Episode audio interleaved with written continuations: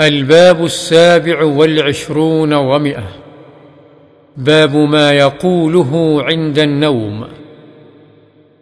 عن البراء بن عازب رضي الله عنهما قال كان رسول الله صلى الله عليه وسلم إذا أوى إلى فراشه نام على شقه الأيمن ثم قال اللهم أسلمت نفسي إليك ووجهت وجهي إليك وفوضت أمري إليك وألجأت ظهري إليك رغبة ورهبة إليك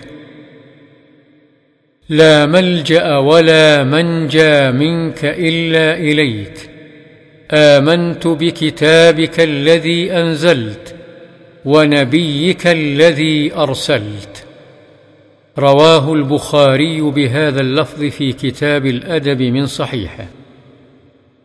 وعنه رضي الله عنه قال قال لي رسول الله صلى الله عليه وسلم إذا أتيت مضجعك فتوضأ وضوءك للصلاة ثم اضطجع على شقك الأيمن وقل وذكر نحوه وفيه واجعلهن آخر ما تقول. متفق عليه. وعن عائشة رضي الله عنها قالت كان النبي صلى الله عليه وسلم يصلي من الليل إحدى عشرة ركعة فإذا طلع الفجر صلى ركعتين خفيفتين. ثم اضطجع على شقه الأيمن حتى يجيء المؤذن فيؤذنه. متفق عليه. وعن حذيفة رضي الله عنه قال كان النبي صلى الله عليه وسلم إذا أخذ مضجعه من الليل وضع يده تحت خده ثم يقول اللهم باسمك أموت وأحيا.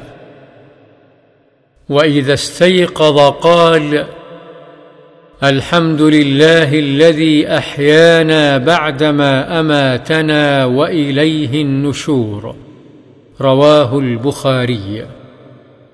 وعن يعيش بن طخفة الغفاري رضي الله عنهما قال قال أبي بينما أنا مضطجع في المسجد على بطني إذا رجل يحركني برجله فقال إن هذه ضجعة يبغضها الله.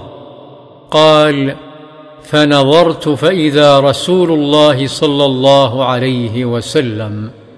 رواه أبو داود بإسناد صحيح.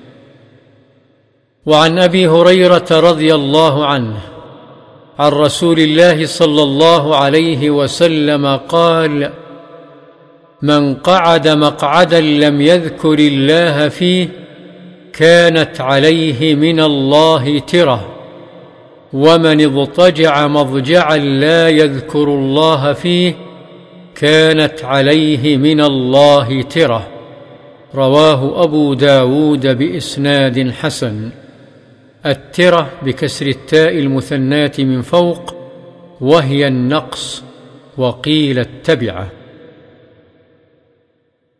الباب الثامن والعشرون ومئة باب جواز الاستلقاء على القفا ووضع إحدى الرجلين على الأخرى إذا لم يخف انكشاف العورة وجواز القعود متربعا ومحتبيا. عن عبد الله بن يزيد رضي الله عنه أنه رأى رسول الله صلى الله عليه وسلم مستلقيا في المسجد واضعا إحدى رجليه على الأخرى متفق عليه. وعن جابر بن سمرة رضي الله عنه قال كان النبي صلى الله عليه وسلم إذا صلى الفجر تربع في مجلسه حتى تطلع الشمس حسناء حديث صحيح. رواه أبو داود وغيره بأسانيد صحيحة. وعن ابن عمر رضي الله عنهما قال رأيت رسول الله صلى الله عليه وسلم بفناء الكعبة محتبيا بيديه هكذا. ووصف بيديه الاحتباء وهو القرفصاء. رواه البخاري. وعن قيلة بنت مخرمة رضي الله عنها قالت رأيت النبي صلى الله عليه وسلم وهو قاعد القرفصاء. فلما رأيت رسول الله صلى الله عليه وسلم المتخشع في الجلسة أرعدت من الفرق. رواه أبو داود والترمذي. وعن الشريد بن سويد رضي الله عنه قال مر بي رسول الله صلى الله عليه وسلم وأنا جالس هكذا وقد وضعت يدي اليسرى خلف ظهري واتكأت على ألية يدي فقال أتقعد قعدة المغضوب عليهم؟ رواه أبو داود بإسناد صحيح.